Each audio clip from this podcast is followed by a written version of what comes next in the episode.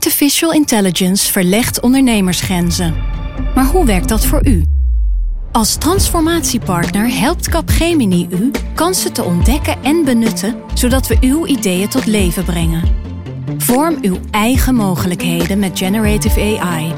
Ontdek meer op capgemini.nl/slash AI. Capgemini. Get the future you want.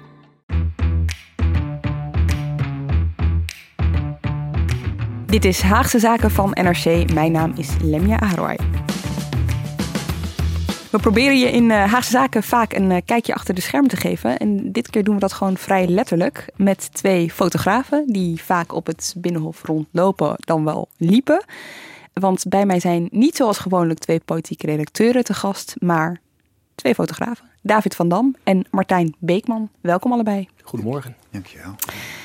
Nou zijn jullie zelf natuurlijk niet zo vaak op beeld te zien. Hè? Of tenminste, je staat wel eens op een foto terwijl je een foto aan het maken zijn op de achtergrond ergens. Maar David, in jouw geval heeft het niet veel gescheeld of je stond op de foto als beëdigd staatssecretaris. Uh, ja, ik heb me, je doet normaal altijd je best om echt wel buiten beeld te blijven.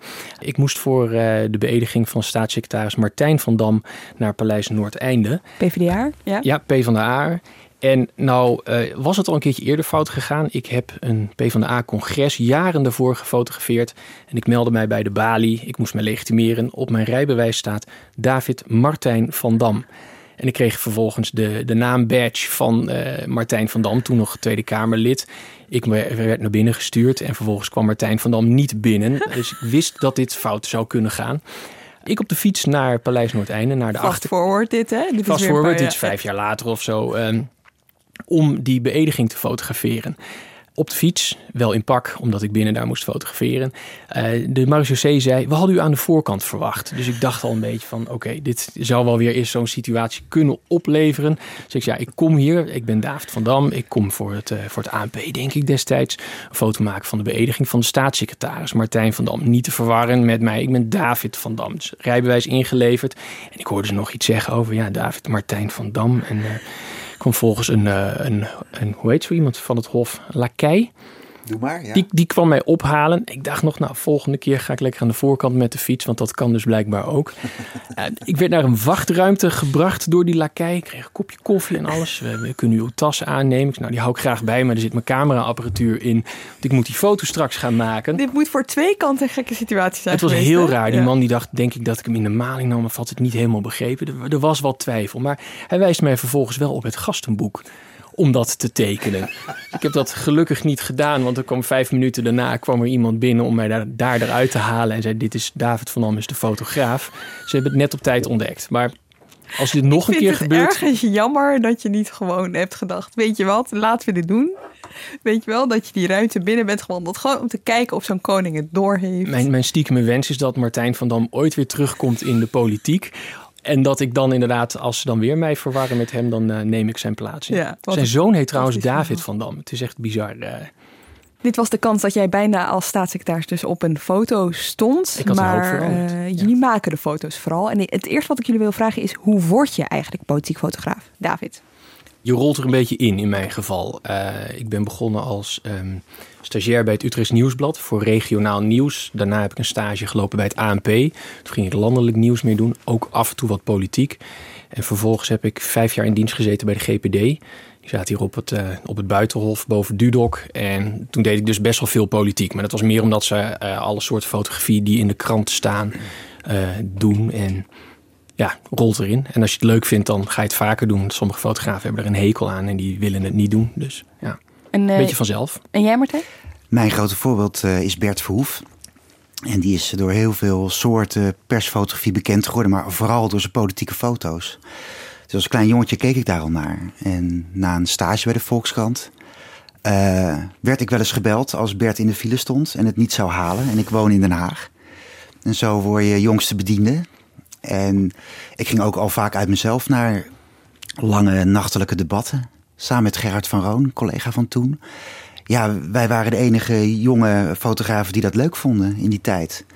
En het fascineerde mij enorm, ook dat hele, hele politieke spel. Maar het is echt begonnen bij Bert Verhoef. Ja, eigenlijk mocht je dus als jouw voorbeeld in de file stond, mocht je zelf. Ja, okay. mooi verhaal hè? Ja, dat is eigenlijk wel heel mooi. En jij bent heel lang fotograaf geweest op Binnenhof. Het is nu wat minder, hè? Ja, ik ben begonnen in uh, eigenlijk 1994, 1995. Ik kwam als stagiair voor het eerst met Bert uh, hier uh, mee. En toen, weet ik nog, toen schroefde ik mijn flitser op de camera. En toen zei hij, we gaan toch niet flitsen, hè? Want in politieke foto's flits je niet. Je moet de sfeer vasthouden die er is. Al is het een schimmig liftje of een autootje. Is dat nog steeds de regel? Er is vorige week geflitst in de zaal ik moet weer terugkomen. Nee, ja, dat was een fotograaf die dus echt voor het eerst volgens mij ook in de parlementaire eh, oh. fotografie aan de slag ging en die flitste. En iedereen zat ook een beetje van wauw. Is dat uh, nat dan? Is dat zeg maar een soort van... Ja, ja wat, wat Martijn al zegt, je, het mag niet in de zaal. Buiten de zaal schijnt het te mogen. Ze hebben toen weer uitgezocht hoe het nou precies zit, want ze wisten het niet omdat het nooit gebeurt. Maar je haalt de hele sfeer weg, wat Martijn oh. zegt. Het, uh, het gaat juist om het licht, de situatie en dat wil je graag zo, zo mooi mogelijk laten zien. En flitsers laat het wel plat. Maar jij hebt dus, Martijn, het eerste kabinet Kok ja. Ja, nog meegemaakt. 95. Ja. En daarna het tweede Paarse kabinet. En uh, dat was, nou, ik heb altijd het idee gehad dat ik de beste tijd gemist heb. Want ik ken de foto's van de oude uh, vergaderzaal in de Tweede Kamer.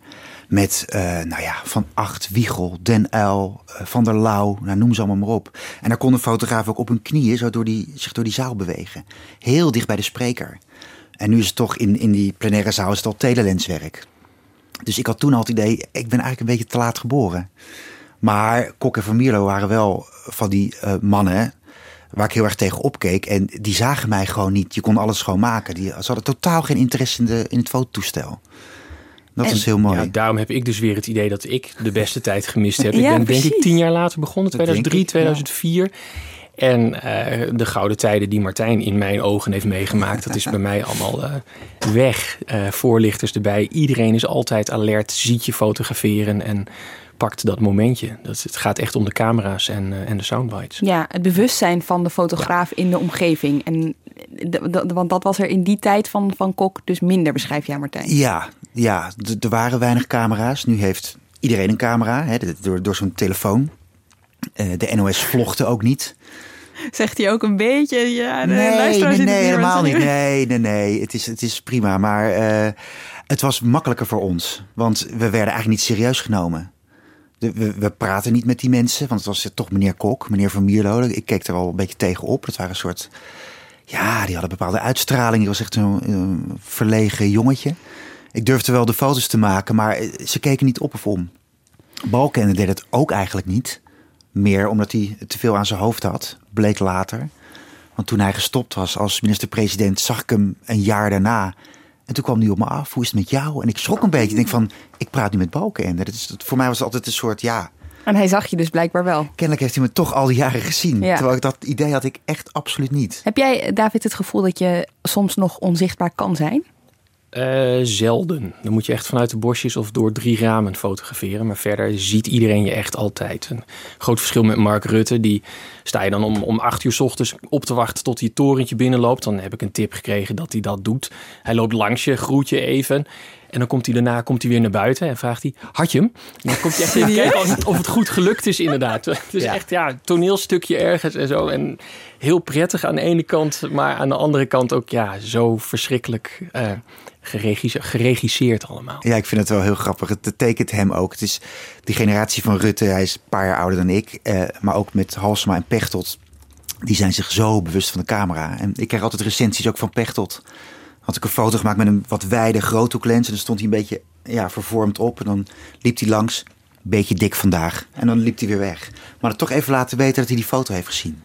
En dat, dat, is, dat heeft Rutte dus ook. En dat, dat is eigenlijk wel grappig moet wel zorgen dat ze je niet in proberen te palmen. En dat je denkt van, ah, zo'n aardige man, ik ga die ene foto niet maken. Dat, dat, heb ik, Speelt dat?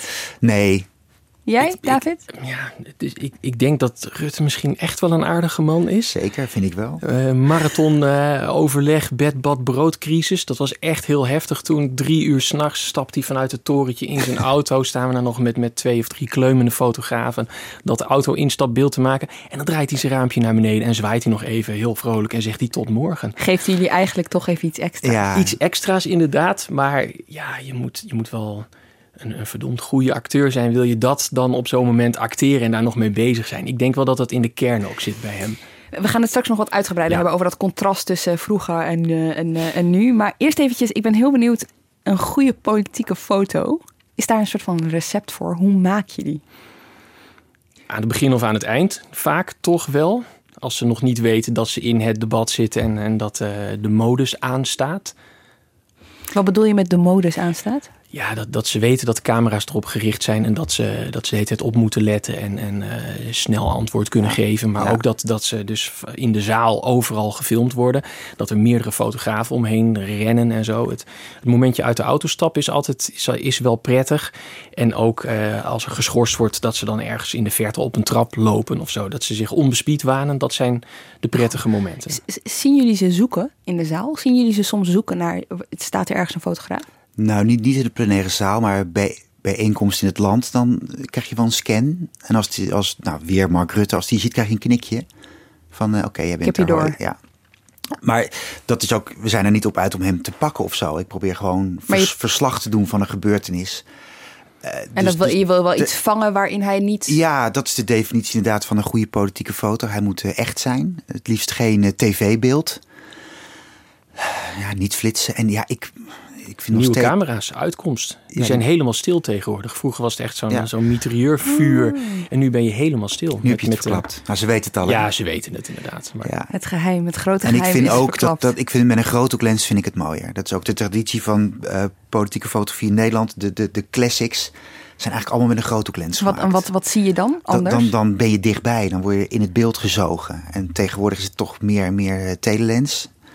Uh, los van corona is dat gewoon ja, het, is wat je nog kan maken. Maar ja, weer Bert Verhoef of Roel Rozenburg, Werry Kronen, mijn, mijn voorgangers weer. Vincent Mensel van het NRC in de jaren zeventig. Dat was allemaal heel dichtbij. En dat is, dat is toch wel mooi dan op een afstandje werkt. Hè, het katshuis tussen de bosjes. Maar ik vind de echte eh, politieke foto's die blijven, die moeten toch van dichtbij gemaakt zijn. Je moet deelnemer zijn en geen toeschouwer. Ja, precies. Je moet er echt tussen zitten. En het enige mooie aan zo'n katshuisfoto is dat het dus zo'n gluureffect heeft. Ja, waardoor het toeschouwer-idee toch meer gluren wordt. Waardoor het mag mag dat eigenlijk? Uh, soms wel, soms niet. De ene keer word je uit de bosjes geplukt door de marechaussee en, en de andere keer mag je daar gewoon staan. Het is heel erg of ze er zin in hebben. En hoe gaat dat dan, uit de bosjes plukken? Word je dan vermanend toegesproken of ja, word je van je, je kraag naar Nee, achter? je moet je identificeren. Het is allemaal zonder uh, fysiek contact natuurlijk, maar je moet je echt identificeren en dat wordt dan doorgenomen. En uh, als je echt pech hebt, dan uh, komt de grote man ook nog even naar het hek uh, Cor, uh, grote beveiliger. Ja, ik ken hem van het Binnenhof. Die ja, kale grote... En die, die komt je dan even bestraffend toespreken en dan, dan doe je het dus ook niet meer. Maar de keer daarna doe je het weer wel, want soms mag het wel dus. Het is een beetje... Maar even, hè. Sta, sta, staan hier, want Martijn, jij zal dat soort momenten ook hebben meegemaakt. Ja. Staan je dan stiekem wel met bonkend hart die foto's te schieten? Of hoe, hoe gaat dat? Nee, pas op het moment dat er echt iets gebeurt. En dan niet de marechaussee zelf, want dat hoort gewoon bij het spelletje. Dat calculeer je in, maar een, een bonkend hart... Nee, op het moment dat er echt iets gebeurt, dan, dan, zit je van, dan word je scherp. Dan ga je in wedstrijdmodus en dan ben je gewoon heel erg alert en zo. Ik denk dat de hartslag wel iets omhoog gaat uh, dan. Ik heb niet zo'n Fitbit om het te controleren achteraf. Zou dus aan Freek moeten vragen. Die... Freek heeft een Fitbit. Freek is van Freek de Volkskrant. Ja, ja. Uh, die zou kunnen zien of die op een spannend moment van, met fotograferen of zijn hartslag dan omhoog gaat.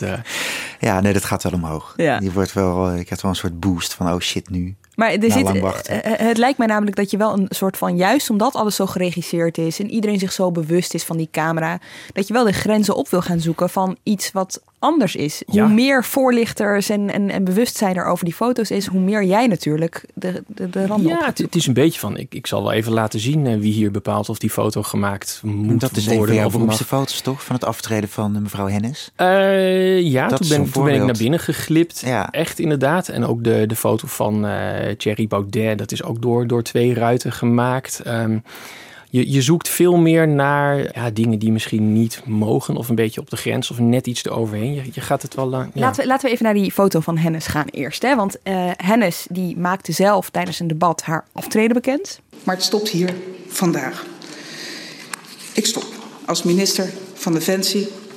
En ik zal zijn majesteit de koning dan ook verzoeken om mij met onmiddellijke ingang ontslag te verlenen Oké, het lijkt alsof ik hier op de achtergrond al de camera's hoor. Uh, toch wel, hè? Nou, Deze de zijn niet is, helemaal ik stop en ik voelde eventjes aan mijn pols. Maar de hartslag ging inderdaad een heel klein beetje omhoog. Want dat is het moment dat je realiseert, oké, nu gaat ze weg en moet je scherp uh, zijn. Want dan wil je emoties pakken. Je wil emoties op die foto zetten. Ja, Halbe Zijlstra die trad af en die blies zijn wang op. En die werd getroost door Rutte. Dan komt dan een manhug aan. Of ze, ze uh, zijn er de laatste tijd nog tranen geweest met aftredende ministers? Maar dan, Nou. dan komt er echt een emotie in ieder Ja. geval.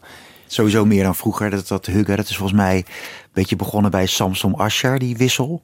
En toen ging Van der Steur weg en Zelstra werd gehukt. Dat was mijn eerste huk, want ik was eigenlijk, toen was ik daarbij bij Zelstra. En ik wist, oh, dit wordt mijn eerste huk. Die heb ik nog niet. Weet je, toch, het is toch iets nieuws dan, dat die emoties zo op de bühne worden, worden getoond. Ja. Ja, ik heb die foto's van jullie bekeken. Van de Steur hebben jullie wel eens... eh, Een van jullie zag ik eh, eh, Mark Rutte, van die van de David, ja. Steur...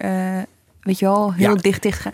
En dan, dat lijken net schilderijen bijna. Weet je wel? Omdat het, het, het, het straalt echt een soort van dramatiek uit.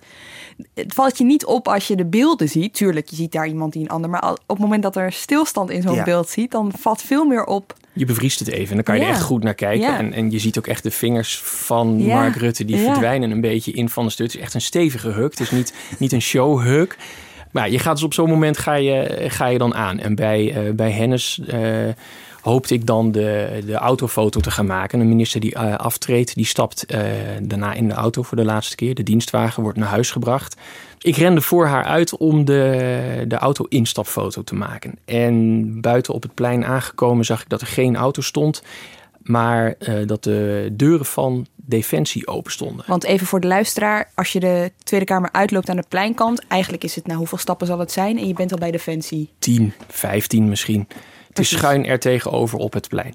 De deuren stonden open, er stond Marius José op de stoep. Ik dacht, hé, hey, die gaat terug naar, eh, naar haar ministerie. Dus ik ben doorgelopen. Hennis die liep eh, nou, een minuut achter mij, denk ik. Ik had een kleine omschrijving. Zwarte schoenen aan, een zwarte broek en een lichtblauw hemd. En mijn Tweede Kamerpas om mijn nek. Aangekomen bij de José dacht ik, hey, het zou misschien erg mooi zijn als ik die foto van binnenuit maak. Nou, we gaan het gewoon proberen. Dus ik zeg goedenavond tegen die José. En ze zei goedenavond terug en lieten mij doorlopen. Ik hoorde achteraf dat de eh, Tweede Kamerpas behoorlijk op de defensiepas lijkt. Plus de rest van mijn outfit. Ze dachten dat ik defensiefotograaf was. Dus ik werd doorgelaten. Ik mocht naar binnen. Kort na mij komt Hennis eh, daar binnen. Dirk Hol is ook nog mee naar binnen gesneakt volgens mij. Maar de rest van... AP-fotograaf, hè? Ja, voor Novum. Novum, Novum. Hollandse Ja, dat is nu allemaal ANP. Het is nu allemaal ANP. Die was mee naar binnen gesnikt en de rest werd allemaal buiten gehouden. Nou, en vervolgens gebeurt dus die echte emotie waar je dan Ja. naar zoekt. Ze werd gezoend door de eh, secretaris-generaal van Defensie. Vervolgens liep ze door een haag van allemaal militairen die applaudisseren. Liep ze eh, naar boven, het trappetje op. Eh, ze zei ook iets van, nou, eh, dank allemaal en eh, waar is de witte wijn? Dat soort dingen Ja. hoor je dan allemaal. Dat wordt uiteraard niet in de plenaire zaal gezegd. Zij heeft jou niet door. Zij heeft mij niet door, nee. Nee. Want ik heb, de fo- ik heb een van die foto's voor me waarin zij inderdaad met haar ogen gesloten eh, ja, op haar hoofd gekust wordt door die secretaris-generaal van Defensie. Alle emotie eh, komt daar los, weet je wel. Dat is zo. En denk ik, eigenlijk had je daar helemaal niet mogen staan. Nou, ik ben binnengelaten, dus ja en nee. Gaat je nooit meer lukken. Gaat denk ik niet. Na dit gesprek natuurlijk al helemaal nee, maar niet na meer. die foto niet meer. Nee, absoluut niet. Want ik ben, ook, ik ben er nog naar, naar boven gevolgd. Ze is eh, richting de werkkamer gegaan. Middendorp, die was ook afgetreden. Echt snikkend in de armen gevallen. En ik was dat dus aan het fotograferen. Komt er een man aan mij vragen... eh, nou, moet je hier nou ook nog foto's van maken? Dus ik, nou, een beetje brutaal van... Natuurlijk, dit is geschiedenis.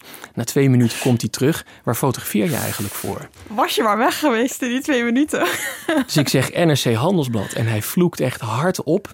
Eh, begeleidt mij eh, met enige dwang naar buiten. Niet- Geen fysieke dwang, maar het was wel echt gewoon heel duidelijk dat het klaar was en dat ik moest stoppen. En ik werd op straat gezet. Nou, uiteraard direct de foto's naar de krant gestuurd. Het was negen uur, half tien of zo. We gingen richting de deadline.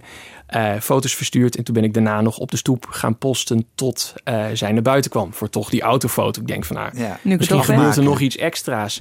Eh, vervolgens drie man marechaussee komt naar buiten uit eh, het ministerie. En die halen mij mee naar binnen. En die zeggen dat ik de foto's moet eh, deleten. Or else. Or else. Ja, Wat? Nou ja, eh, dat is nooit eh, duidelijk geworden. Want ik ben mee naar binnen gegaan. Eh, toevallig was Serge Lichtenberg erbij. Eh, die was toen ook eh, bestuur NVJ. Dus die is even meegegaan al voor morele support. En ook gewoon eventjes eh, dat ik daar niet in mijn eentje zou staan. Heel fijn nog, bedankt Serge. Ehm, maar het was echt van, ja jongens, eh, die foto's moeten gedelete worden. Dus ik, nou, ze zijn al naar de krant gestuurd. Nou, bel de krant maar op. Echt waar? ja, Je moest de krant op gaan bellen. ik moest de krant op gaan bellen. Dus ik zei, nou, dit is de situatie. En die foto's die moeten eh gedelete. Of dat vragen ze in ieder geval. En ik kreeg als antwoord, ja, eh, de krant is al naar de drukker. Dus ik, yes, prima, fijn. Dat heb ik niet hardop Wacht, daar gezegd. Gewetensvraag. Was die krant echt naar de drukker? Of Er is mij toen verteld dat de krant naar de drukker was. En gezien het tijdstip weet ik ook eigenlijk bijna wel zeker dat de krant toen naar de drukker was. Dat is dan de eerste druk. Dus je zou misschien nog de tweede, derde druk kunnen tegenhouden. Dus misschien niet zo technisch, maar en toen? Ehm, en toen? Toen kwam die man die mij boven eruit had geplukt, die kwam er ook bij. Dat was blijkbaar hoofdvoorlichting of zo. En die, die, die speelde toen een beetje de good cop. Eh, die vroeg mij welke foto's zijn er gebruikt. Dus ik zei, nou, de foto dat ze door die haag liep en eh, die staat voorop. En de foto dat ze een zoom kreeg van, eh, van de secretaris-generaal. Toen zei hij, nou, als je belooft dat het alleen bij die foto's blijft... en die foto's die je boven hebt gemaakt niet gebruikt... laten we het hierbij. Ja, ik kon niet anders natuurlijk. Maar, maar mogen ze dit doen?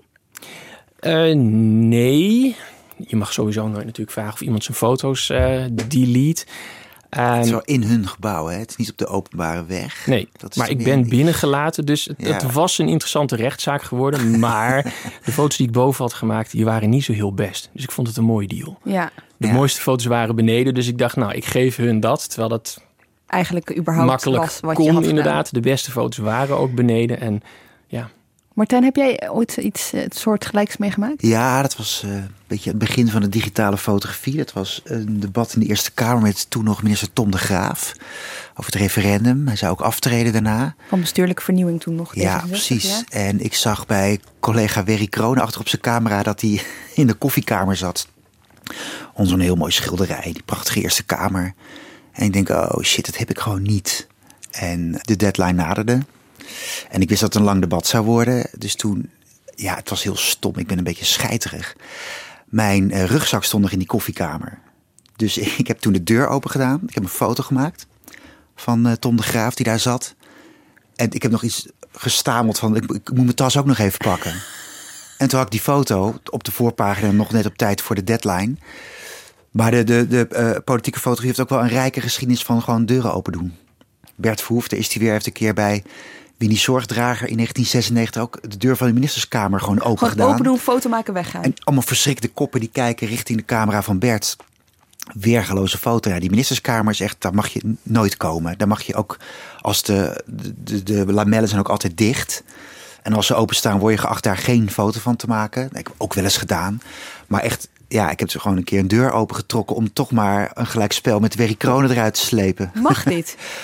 Ehm, ik had toen geen hoofdvoorlichting van het ministerie van Defensie. Of, nou, die Eerste Kamer kan wel heel veel. maar je, je zegt nog wel dat je, dat je niet zoveel durft en dat je een brave fotograaf bent. Hoe vaak ben jij geschorst, Martijn Beekman? Eén keer. Aha. Kijk, Dankjewel, ik ben David. één keer geschorst. Zit hier even een beetje heel braaf te doen, alsof dit het Nee, ergste is. dat- Ja, ik nee, heb ik het al totaal verdrongen.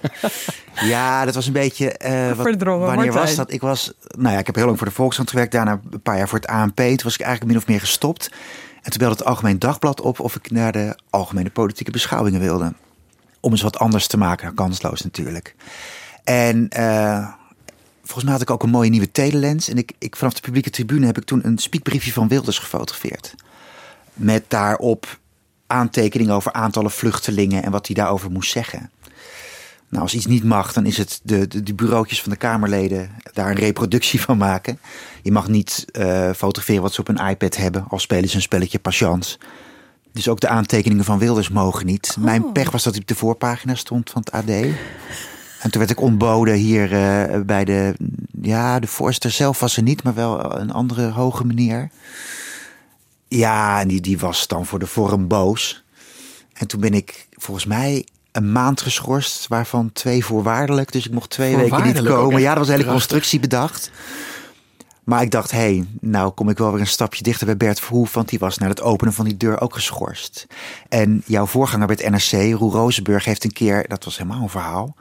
na een barbecue een eh, CDA-kamerlid... ik weet echt zijn naam niet meer, en anders had ik het niet verteld... eh, gefotografeerd die ja, redelijk dronken tegen een muurtje zat... rond de Tweede Kamer. Hoezo mag dat niet? En toen was de, de, de, het NRC Handelsblad nog een grote broadsheet formaat krant. Dus die foto stond vijf kolom erin. Nou, dat was iets van 25 centimeter of zo.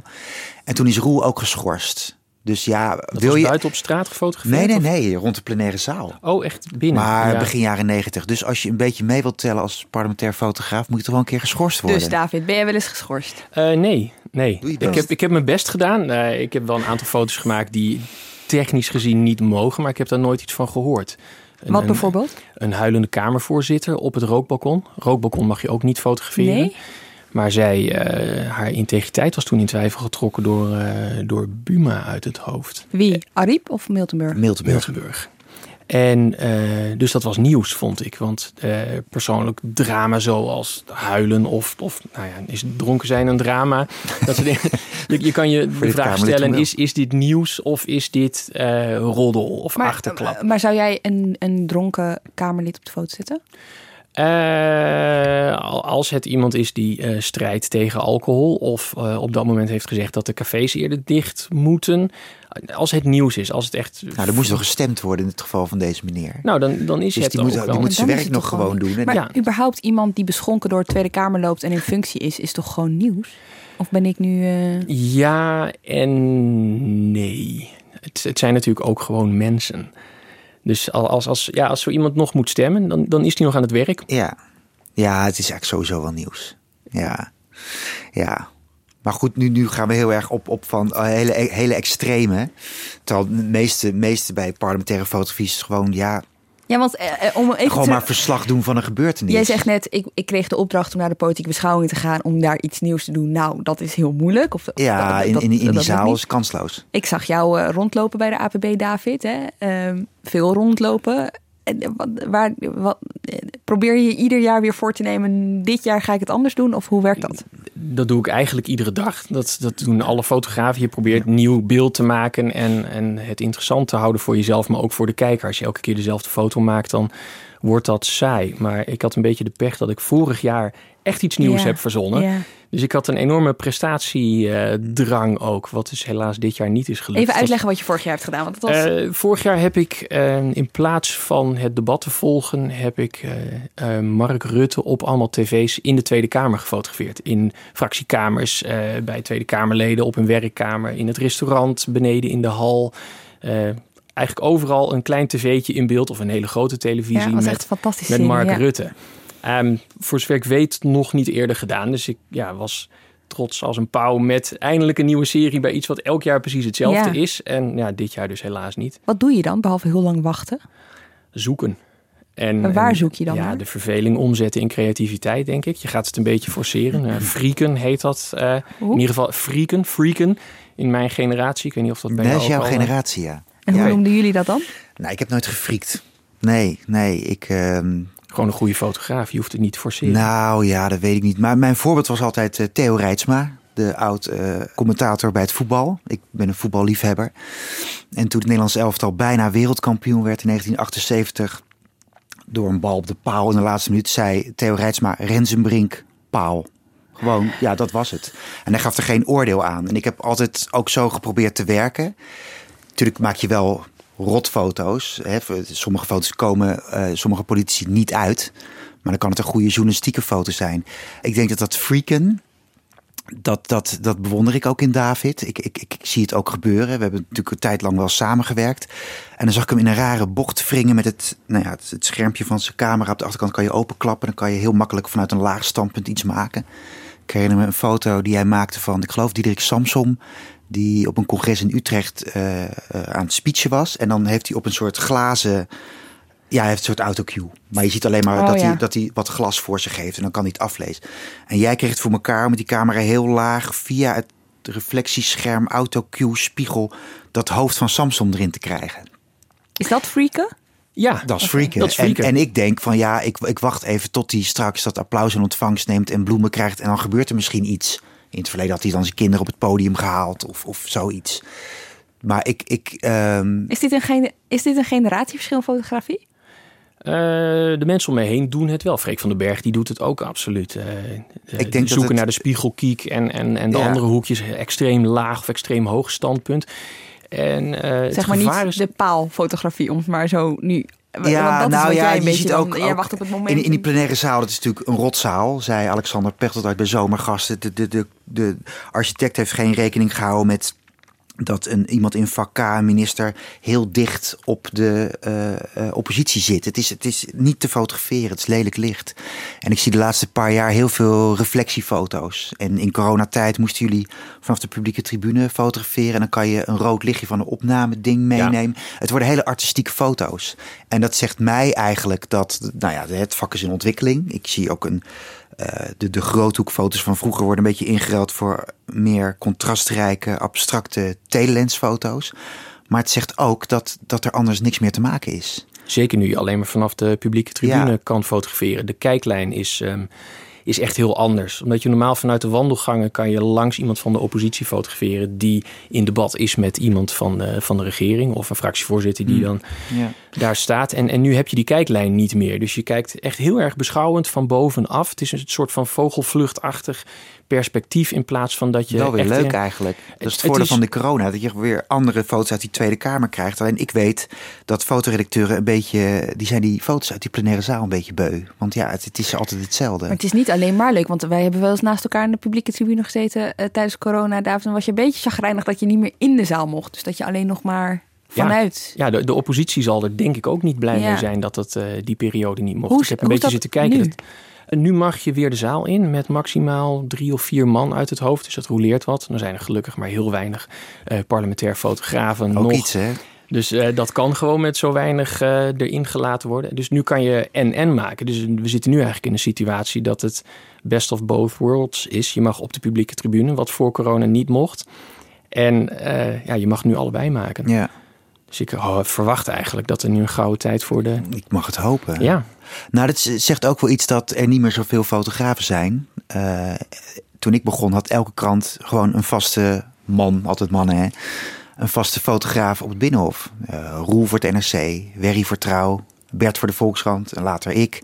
Uh, Hans voor het AD en een ANP-fotograaf. Serge Lichtenberg, Serge, Ja, en toen kwam het dat ik na heel veel jaar Volkskrant naar het ANP ging. En bij een heel belangrijk debat mij afvroeg, wandelend in zo'n gang, waar is iedereen? En toen dacht ik, ja, ik ben iedereen. Want het was een debat, ja, het was wel spannend, maar niet heel erg. En mijn foto stond dus in de Telegraaf, NRC, AD, Volkskrant. Ik was de, de ja, last man standing op dat moment. En ik denk, wauw, dat is toch wel heftig. Dat hoe, hoe komt het eigenlijk? Geld. Kranten die, die hebben een beperkter budget. En als ze moeten kiezen, gaan ze niet voor die plenaire zaal. Dat begrijp ik wel. Ik weet bijvoorbeeld van het NRC dat ze het geld wel willen opsparen. om een fotograaf eh, een mooie serie te laten maken. Kees van de Veen uit Groningen heeft een serie over water gemaakt in Nederland. Prachtig uh, op nrc.nl. Dat kost geld. En dat besparen ze door uh, David niet elk, naar elk debat te sturen. En uh, Kees ook niet naar elk portretje te sturen. Zijn er nog kranten die gewoon fulltime fotografen in dienst hebben? In dienst. Denk in de eh, regio, misschien nog één. Nou, nee, maar zo was dat altijd. Maar, niemand eh, die een parlementair fotograaf. Nee, grote landelijke dagbladen die hebben. Uh, bij de Volkskrant is er een paar jaar geleden hebben ze afscheid genomen van de laatste man in vaste dienst. Dat werd te duur en dat die is nu gaan freelancen met in een of andere constructie. Uh, NRC heeft natuurlijk heel veel fotografen in vaste dienst gehad. Maar Vincent is... Mensel was de laatste, ja, toch, denk ik. Ja. Maar jij bent gewoon freelancer, toch? Ja. Nee, gewoon. Ja, jij bent freelancer. Ja. ja. Oké, we komen daar straks nog eventjes op. Want ik, dat werpt nog wel een paar vragen op, überhaupt. Mhm. Ook journalistiek gezien. Maar nog even, want David, jij vertelde net over die serie die je hebt gemaakt vorige week, of uh, vorig jaar rond, uh, rond de APB. Toen schoot je ook een foto van Thierry Baudet. Die een wijntje aan het drinken is en een sigaret aan het roken is. Dat was door een raam heen. Kun, kun je daar iets meer over vertellen hoe, die, hoe je die foto hebt gemaakt? Ook daar weer geforceerd aan het zoeken naar spannend beeld en zo. Dan ga je jagen. Uh, zoals dat heet. Een beetje rondlopen en kijken wat er, uh, wat er buiten de zaal gebeurt. En of je spannende hoekjes vindt of mensen die met elkaar uh, wat aan het overleggen zijn, emoties aan het voorbereiden. En uh, ik hoorde het eigenlijk pas achteraf, dus ik moet niet veel credits nemen. Hij zei vlak voor die foto: Dit debat is beneden mijn waardigheid. Dus daarom was Baudet groot nieuws. En ik volgde hem gewoon op zoek naar ander beeld. En vanuit de hal kon ik toen door een paar ruiten hem in zijn werkkamer fotograferen met een glas wijn en een sigaret. En uh, dat was tijdens het, uh, een schorsing ook. Volgens mij moest er toen ook nog wel gestemd worden. Dus het was een beetje Kijk. erg informeel moment uh, gezien het moment in het debat. Um, En later bleek dus wat hij gezegd had en kreeg die foto ineens veel Extra meer... lading. Extra Kijk, maar dat, dat vind ik wel mooi, want dat, is, dat, dat, dat gebeurde altijd. Bij de CDA-PVV-crisis in 2010 kon ik ook via een kamer van een Kamerlid... had ik zicht op de twee CDA-dissidenten, weet u nog? Verrier en Koppenjan. En dan ga je ergens gewoon naar zoeken. Eh, zo, een, een van de mooiste foto's die is gemaakt vanuit het restaurant... neerkijkend op de CDA-fractiekamer. En dan zie je toenmalig staatssecretaris Joop Wijn... die gewoon een ballon opblaast uit verveling. En die zit met een ballon te spelen. Foto van Roel Rozenburg, NRC. Ja, dat zijn de foto's die je gaat zoeken en dan, dan lukt het. Maar het gebeurt vaak genoeg dat wij in, eh, met z'n allen bij elkaar zaten... en dan gaat collega Serge een rondje lopen. En die komt twee uur later volkomen verregend terug. En dan zeggen we, en? Ja, niks. Ja. Dit gaat heel vaak, ga je ergens voor niks op uit, weet je wel. Ja. En toch laten we Serge dan gaan. En dan, als hij iets moois zou hebben, dan is het ook helemaal voor hem. Dat hij besluit te gaan lopen. Ja. Of als het echt heel belangrijk is, ga je toch een beetje achter elkaar aan. Dat is ook een soort spel. Als je elkaar aardig vindt, kan je ook samen ergens naartoe gaan. Eh, Ja. Gebeurt goeie- dat? Want je ja, bent- ik ben goede vrienden met Freek van den Berg. Dat is mijn grootste concurrent, maar ook een hele goede vriend van me. En eh, dat, dat helpt wel als je ergens drie uur lang op een viaduct moet staan om te kijken of eh, minister van eh, Veiligheid en Justitie even bij zijn werkkamer achter zijn raam tevoorschijn komt. En dan komt die minister en dan wil je denk ik wel allebei graag een andere foto. Ja, maar dat, dat lukt ook eigenlijk altijd wel. Ehm, een goed voorbeeld hiervoor is eh Zinedine Zidane met de kopstoot. Champions League, jij bent van de voetbal. Of nee, WK-finale. WK-finale, dankjewel. Dus daar stonden uit het hoofd 263 fotografen rond dat veld. En één of twee hadden dat maar. Dus het, eh, iedereen denkt altijd als je met een rijtje staat of met z'n tweeën... dat je precies hetzelfde beeld maakt. Maar eh, compositie, eh, timing, al dat soort zaken... Dat, gebeurt dat, wel hoor. Ik heb, ik heb heel vaak dezelfde foto's als Werry Kronen gehad. Een beetje dezelfde stijl van fotograferen. En we hebben één keer op eh, gehad dat we echt exact dezelfde foto hadden. Echt precies hetzelfde moment dat volgens mij minister Korthals van Defensie naar buiten stapt en precies het voetje gelijk. Jeetje, ja. En dan hoor je meteen van de krant van, oh, je hebt wel hetzelfde als, trouw. Ja, weet je, dat gebeurt dan af en toe. Ja. En eh, Bert Voef en Werry Kronen kunnen een dik koffietafelboek maken van, we hebben dezelfde foto. Dat, dat gebeurde bij die twee echt om de haverklap. Op welke foto zijn je het meest trots? niet echt trots op een bepaalde foto. Nee? denk ik. Nee, ik Heb je niet één foto waarvan je denkt, yes, dit, dat, dit is, nou ja, Hennis beschreef je net al heel uitgebreid. Is dat niet Nee, iets dat is te- technisch een belabberde foto. Dat, Hij mag bij politieke Dat mag bij Dat hoort bij de definitie nog. Even aanvullend. Hij hoeft niet scherp te zijn. Hij mag ruis bevatten. ja, je hebt het over het moment vatten. Ja. Weet Ik je, die reken hem allemaal goed. het, het gaat om het moment, maar het is niet iets wat ik aan de muur hang. Ik heb sowieso geen foto. Nou, ik heb geen foto's aan. Ik heb één foto van mezelf uitgeprint in mijn werkkamer. Hebben we nog tijd voor een kleine anekdote? Is dat een politieke foto? Het is een foto van een politicus. Ik ging een serie maken van alle fractievoorzitters voor de Provinciale Statenverkiezingen zes, zeven jaar geleden. En ehm, ik had bedacht dat het misschien wel aardig was om ze allemaal met hun ogen dicht te fotograferen. Ik begon met Sibrand Buma. Dus ik zei tegen hem, eh, gaat u rustig zitten. Ik stond er met een 4x5 inch camera, dat is zo'n enorme balgcamera met een lap over mijn hoofd. Helemaal klaar. Ik zei, nou, u kunt het beste even ontspannen door uw ogen dicht te doen. En op het moment dat ik dan ja zeg, uw ogen open te Dat was doen. jouw trucje. Dat was mijn trucje inderdaad. En ik maak die foto terwijl hij zijn ogen nog dicht had. En als door een wesp gestoken springt hij op. Wat doe je? Maak je nu een foto van me terwijl ik mijn ogen dicht had? En dat kan toch niet? En zijn voorlichter ook erbovenop. Ja, dit gaan we niet gebruiken. En helemaal boos en alles. En ik zei, ja nee, dat was alleen maar even om u te laten ontspannen. En Het was niet helemaal gelukt, dat ontspannen. dat was niet helemaal gelukt. Ik heb daarna nog een, een mooie Norse foto van hem kunnen maken maar met zijn ogen. hyperbewust dus. Ja, dat zeker ja. En die serie die ik bedacht had, dat was toen direct ook wel klaar. Want het was de eerste uit de reeks. Dus ik, had, ik kon daarna niet, eh, ik kon die foto niet gebruiken. Eh, ik heb hem daarom ook uitgeprint en op mijn werkkamer neergezet als van dit een kleine reminder dat niet alles goed gaat eh, wat je doet. Maar ehm, dat is de enige foto die ik uitgeprint heb. Het is een beetje dubieus, maar een foto van Buma op mijn eh, bureau. Ja, dat zijn weinigen die dat hebben. En voor de rest nul beeld van mezelf. Nee, ik, ik heb niet echt iets. En dat is dus ook niet de foto waar ik trots op ben. Want dat is juist, die staat Ja. voor een mislukte serie. En, Maar ja, ja, dus ik ben niet echt trots op een eh, Martijn? beeld. Trots. Nou, ik heb ook wel een foto op mijn werkkamer hangen. Een foto van eh Roel. Ik nam mijn zoontje een keer mee naar een katshuisoverleg. Volgens mij was het 2010. En de- verveling sloeg een beetje toe van... ja, god, er komt Rutte aan fietsen en er gebeurt toch niks. En Michiel Breedveld van de NOS geeft die NOS-microfoon aan mijn eh, zoon, Joost. Die was toen een jaar of acht. En eh, die heeft toen Rutte geïnterviewd. Rutte fietste weg. En Joost die rende daar in een soort joggingpas achteraan. En Rutte zag die NOS-microfoon en dat lieve jochie. En die nam het interview natuurlijk meteen over van naar welke school ga je en dat soort dingen. En daar is een hele mooie foto van dat mijn lieve kleine Joost naast Rutte rent met al die fotografen zo op de achtergrond. Tot maar ook niet, zover een de foto, werkkamer. ook niet een foto van jouzelf. Nee, Dus ook niet die van mezelf. Die is van Roel. Eh, trots, ja. Dat vind ik moeilijk. Echt? Zijn er niet foto's Nou waarvan ja, ik, denken... ik heb één ja. foto waar ik dan wel tevreden mee ben, maar waar ik ook last heb. Dat is een beetje dubbel. Ik predik altijd dat je geen gekke bekken moet fotograferen. Wilders die zijn lippen bevochtigt. Diederik Samsom die met zijn ogen knippert. Als Mark Rutte zijn haar goed doet, dan buigt hij een beetje voorover. Dan lijkt het of hij in diepe crisis is. Ik, ik, vind dat je geen, ik vind dat je geen makkelijke foto's moet maken door je camera met 10 beelden per seconde op iemand los te laten. En ik heb in 2007 een foto gemaakt van eh, drie VVD-ereleden. Ging met z'n drie in een auto zitten. Ja. Na overleg met Rita Verdonk. En dat waren Frits Kort als Altus, Henk Vonhoff en Erika Terpstra. En Terpstra en Vonhoff die hebben zo'n hoofd. Die zijn helemaal uitgepuft. Dat, dat zijn natuurlijk al een soort leuke stripfiguren om te fotograferen. Hè. Net als Erik Wiebes, dat is altijd raak. En die zitten uitgepuft in die auto. En het is eigenlijk een gekke bekkenfoto. Maar ze stralen En de eerste wet van uit. Beekman zegt geen gek bek. En met die foto won het zilveren camera. Dus dat is een foto die me altijd eh, nagedragen zou worden, ja. Vind je dat erg? Nee hoor, nee, vind ik ook wel leuk. Dat Want ik als zag jij... vooral heel veel ernst op die foto's. Ze hebben Ja, echt, ze stralen Ernst en moe inderdaad. Een Ja. prachtig beeld. Ja. eh. Het voordeel met VVD-kamerleden, ministers, is dat ze altijd naar je toe komen om die foto te recenseren. En ze hebben alle drie gebeld en een foto nabesteld. Dat was hartstikke leuk. Echt? Ja, heel sportief. Want ze zagen ook wel in dat, dat het journalistiek een goede foto was. Nabestellen, daar heb ik eigenlijk nooit ben. Nabestellen, ja, leuk hè? Doen Ja, veel politie Mat dat? of glans. Ja, nee, het- nee dit, gebeurt, dit gebeurt regelmatig Nog steeds, inderdaad. ja? Eh, De, de huilende van Miltenburg heb ik het met haar daarna ook over gehad. Zij confronteerde mij er een beetje mee. Dus ik, ik knalde bijna, echt rood hoofd. En ik dacht, nu gaan we het krijgen.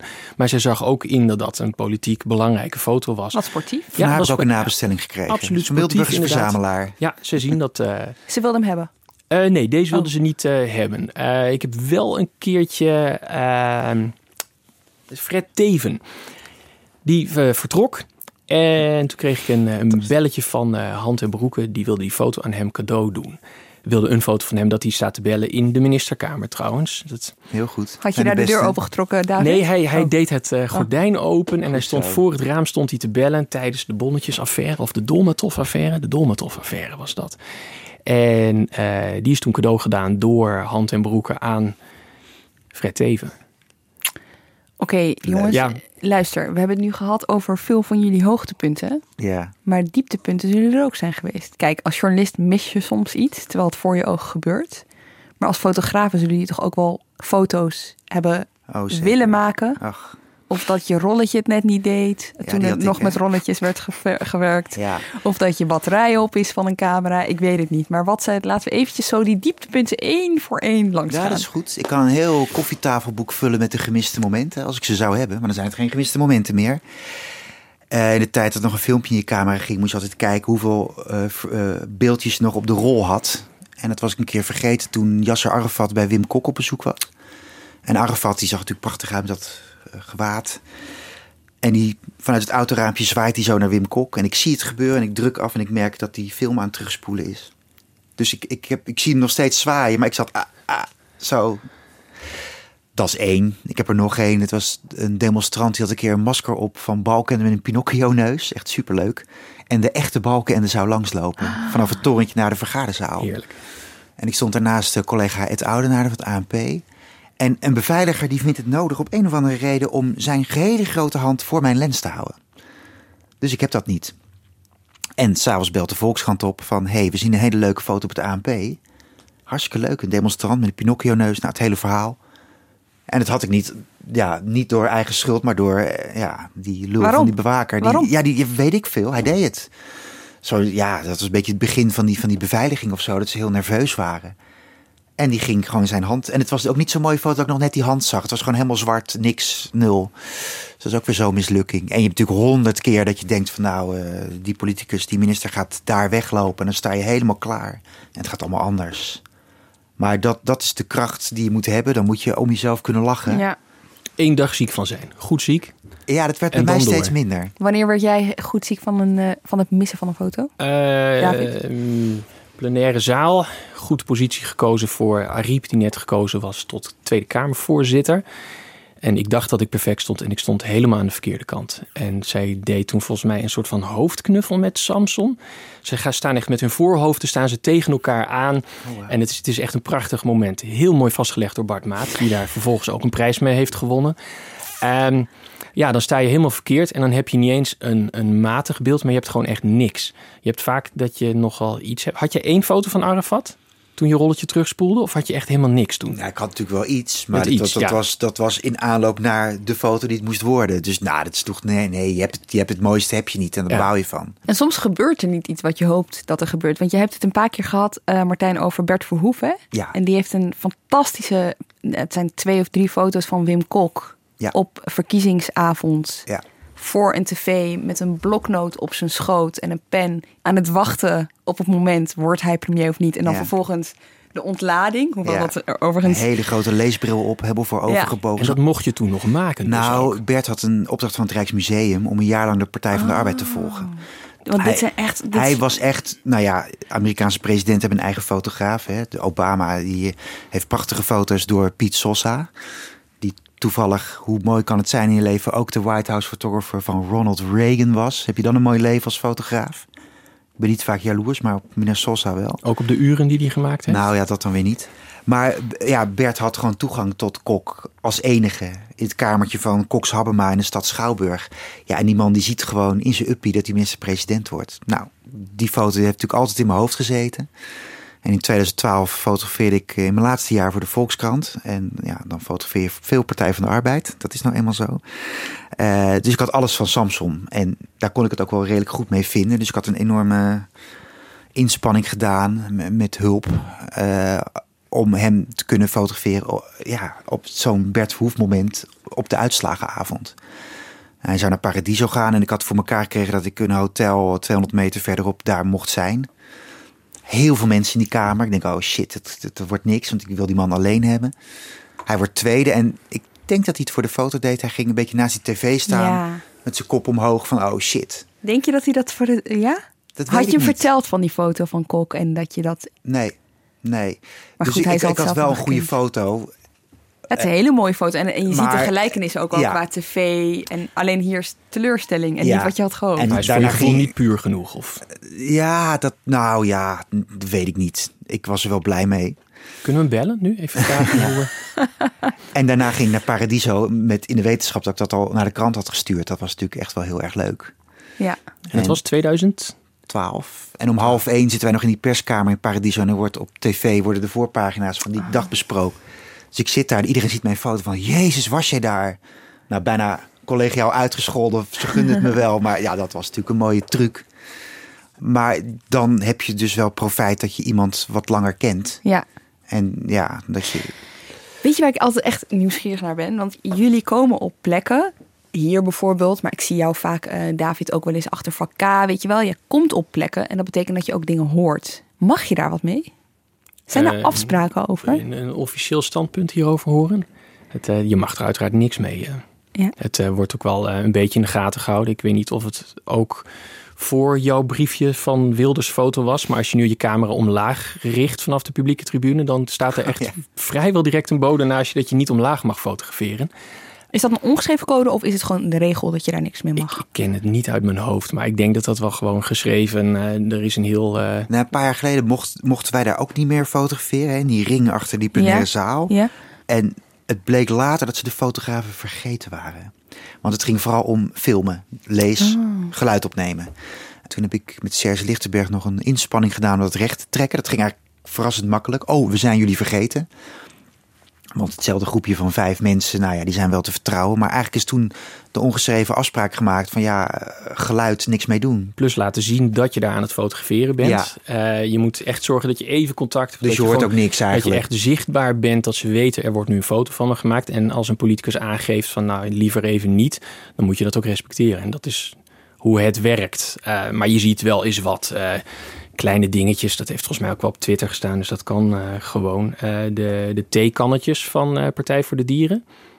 Die hebben dan hun, hun eigen theekan met een labeltje erop met oude hand en, uh, Waarom? en teamen. Ja, geen idee. Zodat ze weten wat voor thee ze hebben. En dat was dus een aantal jaar geleden. En nu is alleen oude hand er nog. En nu staan er drie theekannetjes met alle drie het labeltje oude hand erop. Dus oh, wow. ja, ik ben wel heel benieuwd wat er dan voor verschillende soorten thee in zit. Een soort van turbo thee als je, voordat je... Ja. En je houdt een beetje afstand. Hè? Als daar uh, Klaver en Ascher overleg, ik noem maar wat. Of uh, oppositie en regeringspartij. Dan ga je er ook niet heel dicht bovenop staan. Het is juist ook leuker om een beetje die omgeving te zien. Want het is wel mooi dat is nou wel weer een mooi fotogeniek gedeelte van die plenaire zaal. Die, die ring daarachter. Dus ja, het licht valt uit. Ja, dat, dat vind ik wel heel mooi. Dus je houdt je ook wel een beetje in. In de wetenschap dat je volgende week te weerde staat. Of nog erger de dag erna. Ja, maar toch, ik ga toch een gewetensvraag stellen. Stel je hoort daar, je vangt daar toch iets op. Over, weet ik veel, Klaver en Ascher die je iets afspreken. Nou, dat is van mij moeilijk. Ja, ik, ik werk niet meer vast voor een krant. Maar ik kan me voorstellen als je elke dag samenwerkt met de, de Haagse redactie, zoals ik jarenlang heb gedaan bij de Volkskrant. Ja, dan, nou, dat is, dat is moeilijk. Deze houden we even in In, in mijn jonge jaren had ik het wel gedaan, denk ik.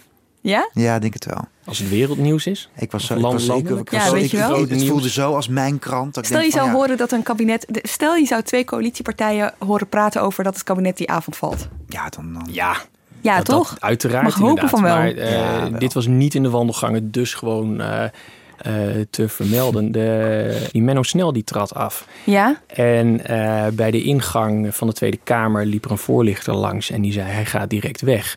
Gewoon als een kleine heads-up, dat je weet dat er niet eerst een heel debat volgt en zo, maar dat hij dus binnen no time weg is. Nou, dat geef ik dan uiteraard wel eventjes door, want ik stond toen voor NRC. Eh, er was toen één NRC-journalist om dat debat te volgen.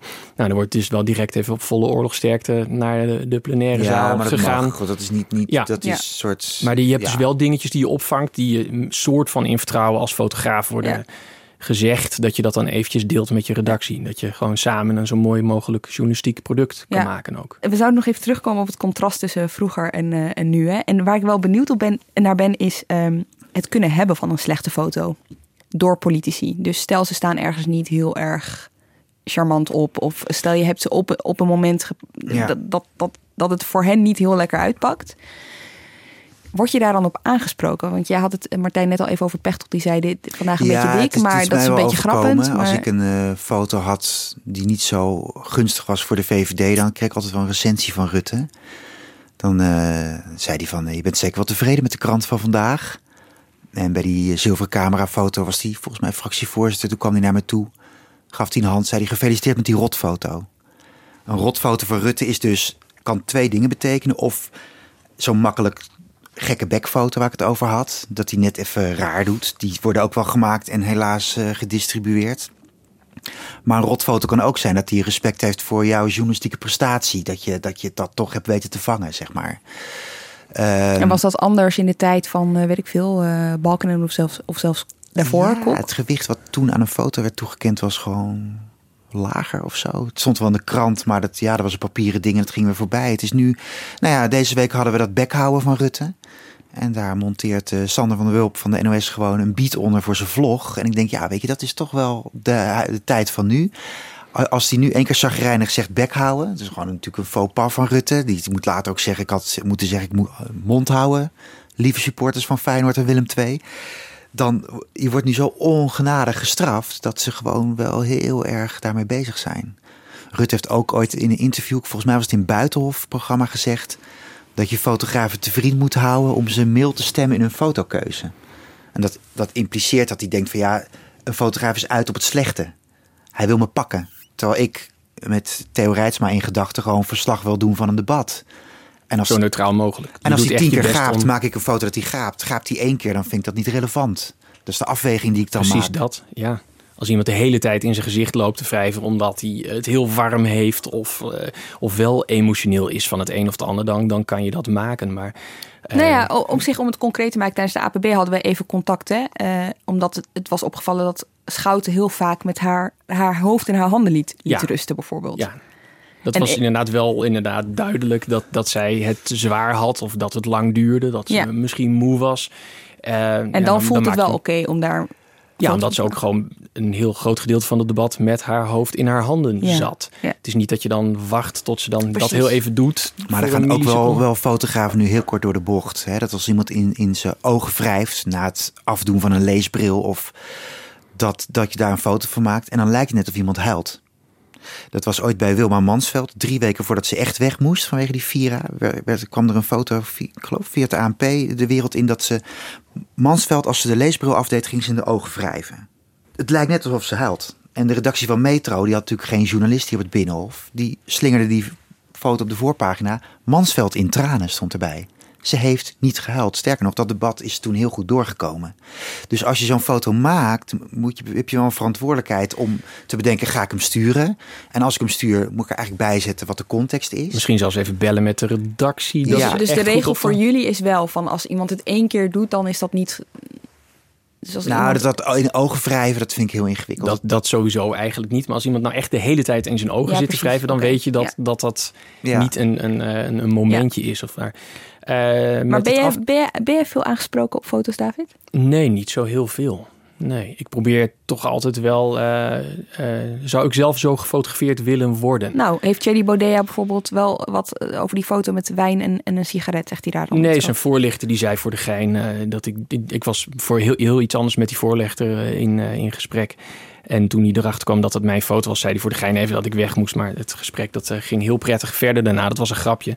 Nee, maar je, je krijgt eigenlijk nooit echt op je donder. Ehm, ik in ieder geval niet, omdat je dus ook ja, bepaalde codes vasthoudt. Met het uh, debat met uh, Grapperhaus, met de anderhalve meter bruiloft situatie. Toen was hij...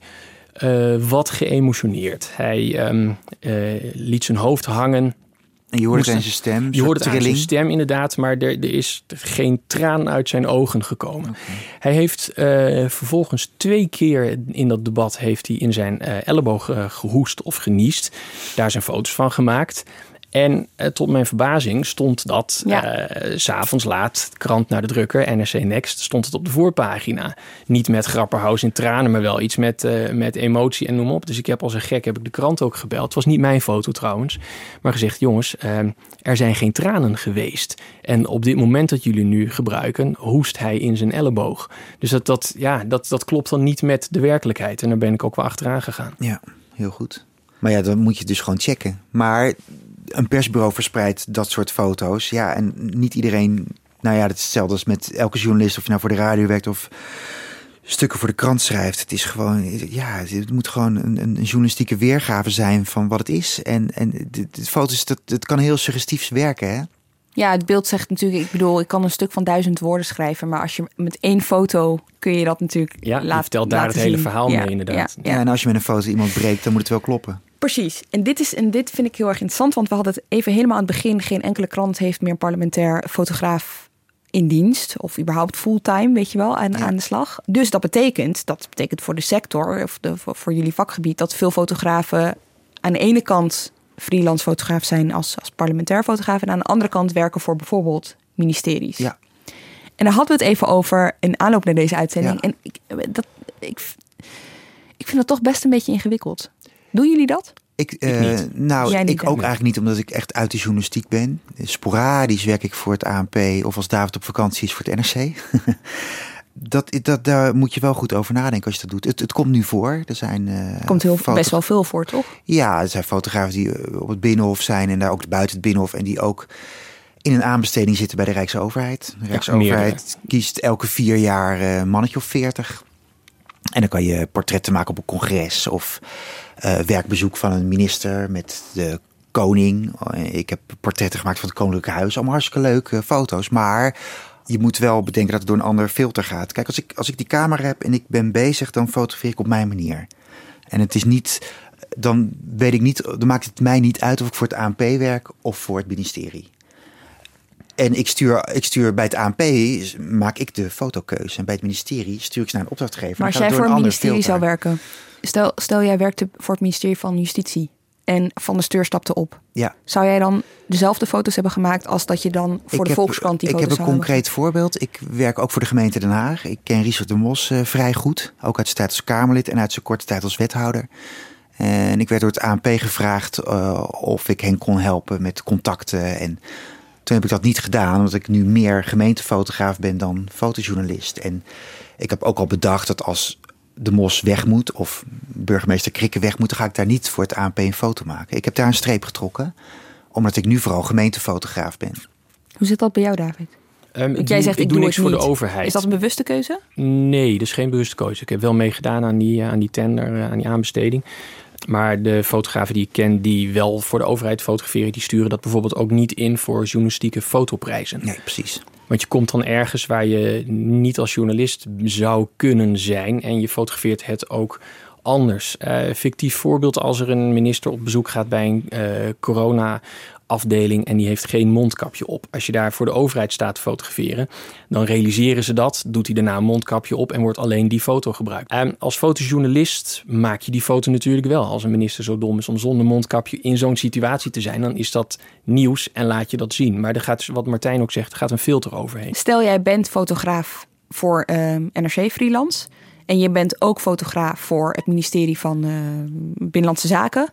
En Ollongren gaat naar een bouwklus. En er gebeurt precies wat jij nu zegt, dit fictieve voorbeeld. Ik zit, ik zit me dan echt af te vragen, ja, heeft dat dan uh... niet invloed? Kijk, laten we even kijken naar de schrijvende kant van journalistiek. Hè? Ik zou natuurlijk nooit webredacteur kunnen worden voor een ministerie of voor een politieke partij. Dat, dat kan gewoon niet, want je zit, dat zijn echt twee verschillende petten. Dienst. Ja. Ik ben in vaste dienst. Freelance uh, schrijvend journalisten. Zou ik, ook nooit, zou ik ook nooit op die manier doen. Dan denk ik dat zijn echt twee werelden die iets te veel. Ja, binnen fotografie kan dat dus. Het, het, het, het, wordt niet gevraagd. Kijk, bij die aanbesteding moet je gewoon een VOG overleggen, verklaring omtrent gedrag. Alleen je moet voor jezelf een soort verklaring bedenken. De jongens die het allebei doen, daar sta ik echt voor in. Als Rutte aftreedt, maken zij die rotfoto. 100 procent. Ze zijn ambitieus, ze zijn goed. En dan al, nou ja, al, al, al, maken ze ook heel veel foto's voor het ministerie van de mhm. Algemene Zaken. Ze gaan echt die foto maken. Ze gaan op het moment dat Rutte aftreedt niet zich inhouden omdat ze bang zijn dat ze dan anders geen opdrachten meer van zo'n ministerie krijgen. Het is natuurlijk wel, ik ben het met je eens, het is een hele lastige situatie. Welke fotograaf kan nog alleen van de krant leven? Nou, bij de Volkskrant zijn het er twee. Bij het AD is er één. En ik denk bij het NRC dat elke fotograaf die vaste freelancer is, ook andere dingen ernaast doet. Als je dan voor de Rijksoverheid gaat werken en je bent politiek fotograaf, ja, dat is wel lastig. Dat is wel lastig. Dan zou ik, en ik heb het de tijd gecombineerd, dan zou ik de, de, de, klussen van een ministerie wel aannemen. Een congres of zo, daar kan je geen bel aan vallen. Maar als je dan in de opdrachten aanneemt waarbij je in een precaire situatie komt, ja, dan dat is dan wel lastig. Maar werkbezoeken zijn echt wel situaties die je graag als journalist zou willen maken, omdat daar de, de leuke, spontane dingen gebeuren. Ja, eh, maar de, de, de, de bewindspersonen gaan er ook vanuit dat jij je aan die regels houdt. Ik werk veel voor sociale zaken, binnenlandse zaken, financiën. En ja, dan ben je heel dicht op een minister gedurende een langere tijd, ook op Prinsjesdag. Stel je voor dat ik ook voor, nog voor het ANP zou werken. Dan geldt eigenlijk hetzelfde als wat je oppikt bij vak K. Ja, dat, dat moet je dan nu helemaal niet doen. Maar ik, ik, ik geef toe, het is, het is slecht dat het... Uh, nou, slecht. Het is, het is heel ingewikkeld. Je moet daar heel goed over nadenken. Ja. En ook je grens trekken. Wat ik bij in het geval van Richard de Mos dus heb gedaan. Dan, dat heb ik niet gedaan. Dat voelde niet goed. En de meeste fotojournalisten doen dat gelukkig ook wel. En de meeste klussen die ze van ministeries krijgen zijn uh, portretten van beëdigde ambtenaren voor een lekker uurtarief gewoon even lekker geld Zo pakken. saai is het dan ook wel weer. Het is best wel saai. Ja. ja. Nog één ding om mee te eindigen. Want jullie zullen allebei wel iets of iemand hebben waarvan je denkt... als ik dat ooit nog op de foto zou kunnen krijgen... dan ben ik een zeer gelukkig mens. Of werkt dat niet zo? Oh, ja, nee, daar hoef ik niet lang over na te nou? denken. Een uh, portret van prinses Beatrix. Oh ja? Ja, die heeft zo'n schitterend hoofd. Dat is, dat is prachtig. Die zou ik heel graag een keertje portretteren. Probeer je dat dan? Uh, nee, bij deze. Ja. Dus ze luisteren mee. Ik, uh, natuurlijk. Ja, er wordt geluisterd. Nee, dat, dat is iets wat ik, wat ik echt al jaren uh, wil. Zij is een aantal keer echt heel mooi geportretteerd. En dat, ja, die staat hoog op de lijst. Maar voor de rest, ja. Nee, dit is geen, geen, geen politieke wens. Nee, oh nee, helemaal niet. Nou ja, ik, ik zou graag een keer de Piet Souza zijn van de uh, minister-president. Staat politiek. niet, hè? Staat niet. Het bestaat niet, maar we eindeloos gelobbyd om wel inderdaad dat wat meer te kunnen volgen. Koffie drinken op het torentje met voorlichters, met hoge voorlichters en zo. En ja, of het nou de voorlichter is of de premier, eh, ze willen het niet. Nee. Maar voorgaande premiers ook niet. Balken is ooit heel dichtbij geweest. Dus bijna, het is iemand geweest die dat op het punt stond te gaan doen. noem me geen namen, maar uiteindelijk werd het toch te tricky. Want ja, die foto's die gaan bij die fotograaf thuis op een harde schijf. En wat gebeurt er daarmee? Volgens mij heeft het te maken met het feit dat we ook een koning hebben. Dat de minister-president van dienst dan te belangrijk gaat worden. Ik weet het niet wat het is. Ik heb het ook geprobeerd. Wat echt zonde is, want het is geschiedenis die er gemaakt wordt. Echt Nou kleine, ja, ik, ik- zou heel graag ja. bijvoorbeeld een telefoontje na MH17, eh, het telefoontje van eh, Rutte aan, eh, aan Poetin. En, en dat, dat slaat helemaal nergens op, want het is dan Rutte die op het torentje zit met een telefoon in zijn hand. Maar voor zover ik weet is daar geen beeld van, terwijl dat wel... Ja, maar er worden echt foto's gemist nu. Ik heb voor Ja. het ANP een keer We hebben het een nu foto... overigens eh, voor duidelijk over een persoonlijke fotograaf van een minister-president zijn. Ja, ja, ja, ja. dat, dat zou ik leuk vinden inderdaad. Maar Ja, maar dat, dat gebeurt niet. Ik heb voor het ANP een keer een foto mogen maken op Paleis Noordeinde. Als Rutte zoals elke maandag met de koning gaat Ja, ik heb het overleggen. gezien. Ja. Maar dat werd een hele erg opgeprikte foto. En er is geen, nou één, ook zo'n opgeprikte foto van Rutte met Beatrix. En er is geen foto van Beatrix met Balkenende.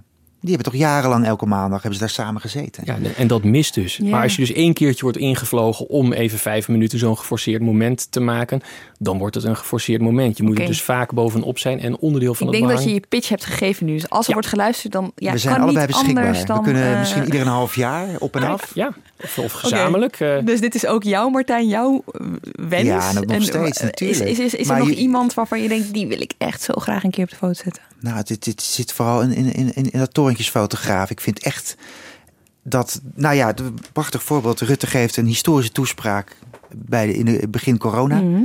En ik zit thuis en ik denk na een kwartier, ik ga even op het ANP kijken wie de foto heeft gemaakt. Er is geen foto van.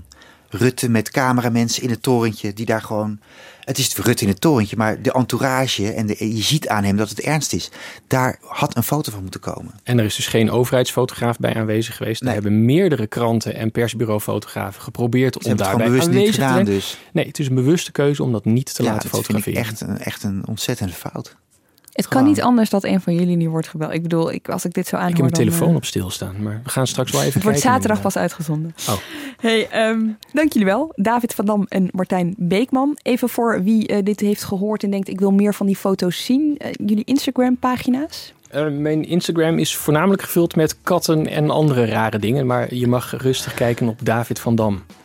Martijn?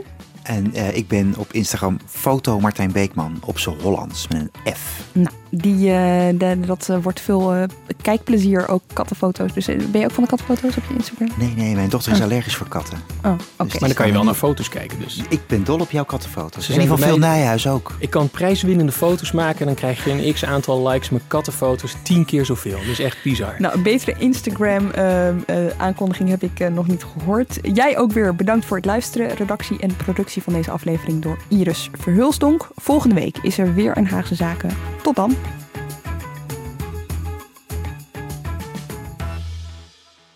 Je hebt aardig wat vermogen opgebouwd. En daar zit je dan, met je ton op de bank. Wel een beetje saai, hè?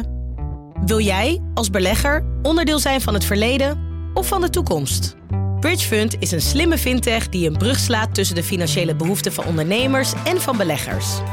Dus wie belegt bij Bridgefund krijgt niet alleen een mooie vaste rente, maar brengt ook ondernemers in beweging. Echt waar, met die ton kan je zoveel betere dingen doen. Bridgefund. Make money smile.